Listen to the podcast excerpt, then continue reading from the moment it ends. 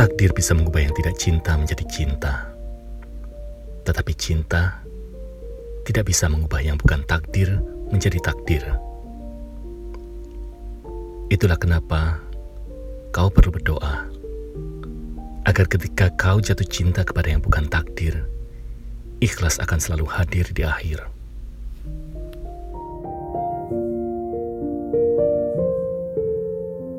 thank you